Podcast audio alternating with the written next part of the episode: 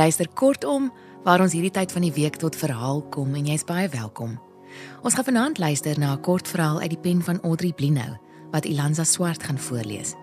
Ek het hierdie storie gekry in die bundel Mal Hansie en ander verhale, onlangs heruitgegee deur Protea. Dis die eerste keer uitgegee in 1996 en is spesiaal saamgestel vir Audrey Blinou se 80ste verjaardag op 6 Julie 1996. Ek lees op die flapteks. In 'n bestek van 40 jaar het Audrey Blinou 10 bundels essays gepubliseer. Boeke wat wyd aanklank gevind het. Want hulle is Dopa vir 'n dikbek, Vonk vir 'n vaaldag, Laai 'n mens opnuut vir die avontuur van die lewe wat nie ver is nie, maar in en rondom jou. In Bertha Smit se woorde. In Die blye dae van 1965 verskyn die eerste volwaardige vertelling tussen die essays Mal Hansie. Daarna word die soort tekste talryker, veral in Die plesierboom en Die rooi granaat. Malhansie en ander verhale bied vir die eerste keer hierdie gewilde en ontroerende vertellings in een band. Dit is 'n volwassene wat veral terugkyk op haar jeug en dan 'n kind aan die woord stel. Dis verhale wat in Audrey Pina se woorde vertel van die enigste spoor wat nie vergaan nie. Die spoor wat een mens laat op die hart van 'n ander. Ilanza gaan die verhaal Die Vredesduif voorlees vanaand. Geniet dit.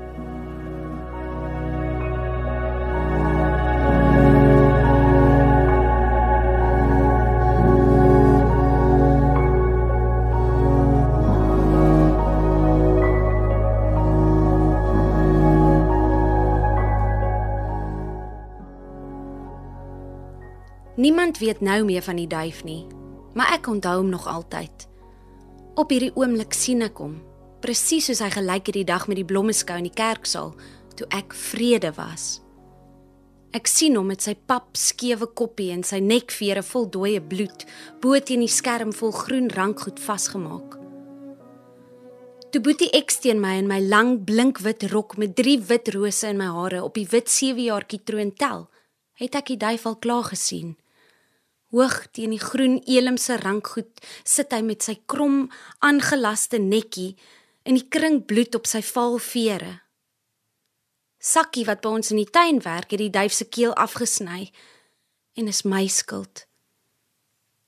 Ek en die duif moes vrede voorstel, maar ek was bang om hom op my hand vas te hou. Die duif is dood en is my skuld. Die groot mense het gedink ek weet nie wat aangaan nie. Ek's te klein om te verstaan, het hulle gedink. Maar ek het geweet. Ek het geweet dat Sakkie die duif se keel afgesny het omdat ek bang was om hom vas te hou.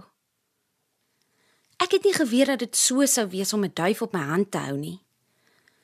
Toe Sakkie die duif van Mr Epinauer se huis afbring en Gampie Howitz hom op die agterkant van my hand sit, het ek hoendervel gekry soos ek gril.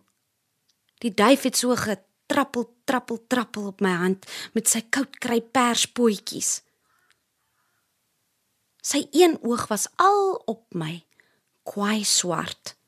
Sy pikbek was swart en skerp. Hy was nie mooi met sy dofval vere nie en hy het na hoenderhok geruik. "Nee, nee!" roep ek verskrik uit. "Ek wil hom nie vashou nie." Maar hy's dood, mak, probeer Gampie my paai. Gampie is 'n groot meisie wat in die huis langs ons in woon. Sy loop oral in die eetkamer rond met die duif op haar hand. Kyk, hy sal jou niks maak nie. 'n Duif is mos sag en vriendelik. Daarom stel hy vrede voor. Jy het hom mos al dikwels hoor koer. Hy sê altyd: "Werk stadig, werk stadig." Jy sal hom ook nie gedurig hoef vas te hou nie. Hy moet net op jou hand sit as Sir Jakobus graaf die saal binnekom om die skou te open. Sakkie sal 'n handvol koring voor jou troon gooi en dan kan die duif van jou hand afvlieg en die koring oppik. Ek sal hom weer op jou hand kom sit. Jy sal sien hoe lekker dit is om die ou duifie vas te hou. Kyk, jy en die duif stel mos saam die vrede voor. Nee, Nee! Begin ek huil. Ek wil hom nie vashou nie. Ek is bang vir hom. Ek wil nie vrede wees as ek die duif moet vashou nie. Toe praat die groot mense. Almal wat daardie oggend met die skou in ons huis was. Net mammie was nie daar nie, want sy het by die kombuistafel gesit en blomme rangskik vir die skou. Elke keer as sy 'n bak vol blomme klaar gerangskik het, dra Sakkie die bak na die kerksaal toe. Maar daar's ander mense in die eetkamer. En van die agterstoep af, waar ek in die hoek van die rusbank lê en huil, hoor ek wat hulle sê. Ag, Sakkie moet maar die duif doodmaak. Dan maak ons hom teen die skerm agter die troon vas. Haai nee, foei tog. Kan ons nie maar die duif los nie? Moenie verspot wees nie. Hoe kan 'n mens nou die vrede voorstel sonder 'n duif? As die kind dan nie die duif wil vashou nie, moet ons maar 'n dooie duif gebruik. Wat sal ons nou met 'n lastige duif sukkel? Wie se duif is dit? Ag, Mr Epinauersen, hy het hoop duwe. Sakkie kan maar gou gaan sê ons het die duif vir die skou nodig. Jene Gampie, waar is die kind nou? Sal jy al gaan aantrek? Die komando is al weg om Sir Jakobus Graaf by die dorpsek te gaan verwelkom. Die opening is mos om 11:30, nê? Nee. Nou toe, ons moet roer. Dan moet alles gereed wees. Op die agterstoep waar ek lê en huil, staan nog blikke en blikke vol veldblomme wat die boere uit die strandveld gebring het vir die skou.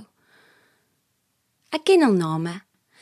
Elemeide, Klokkiesyde, Reisyde, Kaikietees, Painted Ladies, Bluebells.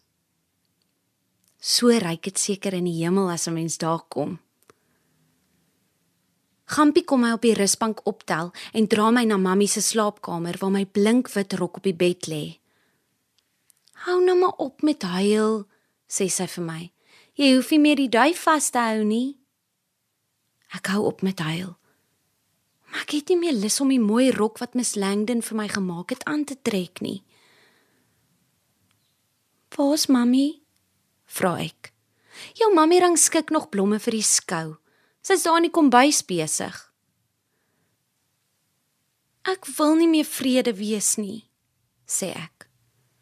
Ag nee, wat hartjie, jy gaan pragtig vrede wees. Jou troon met al die wit sewejaartjies lyk soos 'n regte koningin se troon en die hele saal is vol blomme, weet jy? Jy sal sien hoe dit soos die land van die feetjies lyk. Kyk, ek gaan jou hare in lokke draai, dan steek ons 3 wit rose op jou koppie vas. Dan is jy mos vrede. Dit voel vir my asof ek nie kan asem kry nie. Wat is vrede? vra ek. Vrede. O, dis vrede as mense nie meer teen mekaar oorlog maak nie. Ek het die wit rok aan. Gampie begin my hare borsel. Wat is oorlog? vra ek. Oorlog?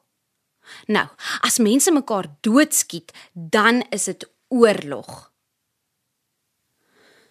Ek knyp my oë toe en ek ruik weer die blomme op die agterstoep. Ek dink aan die duif. Is dit nou vrede? vra ek. Ja, daar is nou vrede. Daar was oorlog. Daar was lank oorlog, maar nou is daar vrede. En daarom stel jy vandag vrede voor. Is jy nie bly dat jy gekies is om vrede voor te stel nie? Ek antwoord nie. Waar is die duif? dink ek. Het hulle miskien vergeet van die duif? Liewe Jesus, laat hulle tog van die duif vergeet. Laat die duif asseblief na Mr Epinauer se huis terugvlieg. Kyk in die spieël hoe fraai lyk jy. Ek staan voor mammie se spieël en kyk hoe ek lyk. amper soos 'n engeltjie, dink ek. As ek nou net vlerke gehad het. 'n Engeltjie moet mos vlerke hê. Maar ek's nie 'n engeltjie nie. Ek is vrede. My gesig voel warm asof iemand my koors moet meet. Gampie maak die drie rose met haar giespes op my kop vas. Wit rose vir die vrede, sê sy. Kom, ons gaan net gou vir jou mammie wys hoe jy lyk. Dan wag ons in die voorkamer tot Boetie X teen ons met jou pappie se motor kom haal.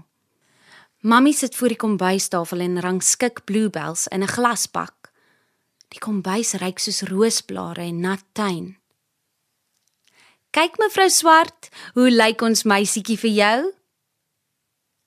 Mamy kyk van haar bluebells op. Sy klap haar hande. Ag, maar mamy se liefste kind lyk mooier as die mooiste mooiste roos. Ek sê niks. Ek staan stil voor mamy en ek wonder of sy weet wat van die duif geword het. Mamy se ou prinsesie moet mooi sit op haar troon, hoor? sê mamy en sy druk my teen haar vas.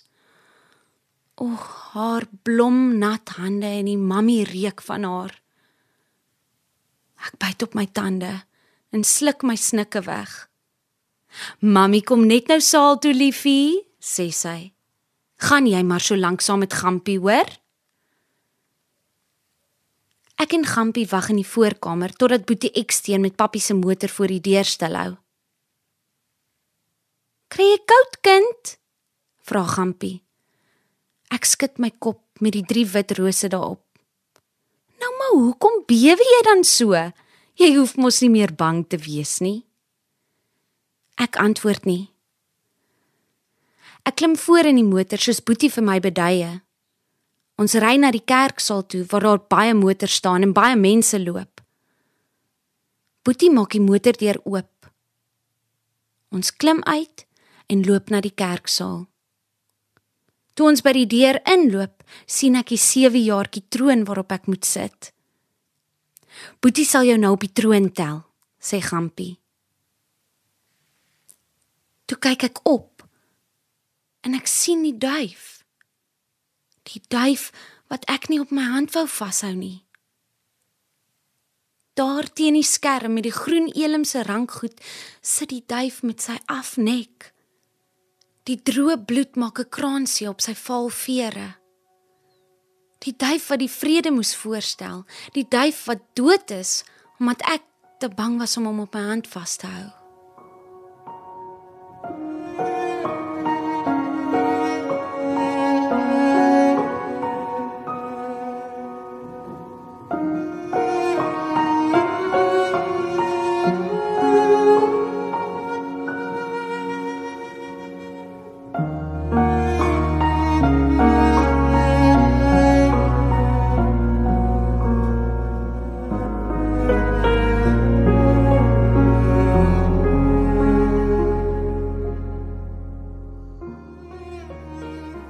Dit was dan Die Vredesduif deur Audrey Blinou, voorgeles deur Ilanza Swart.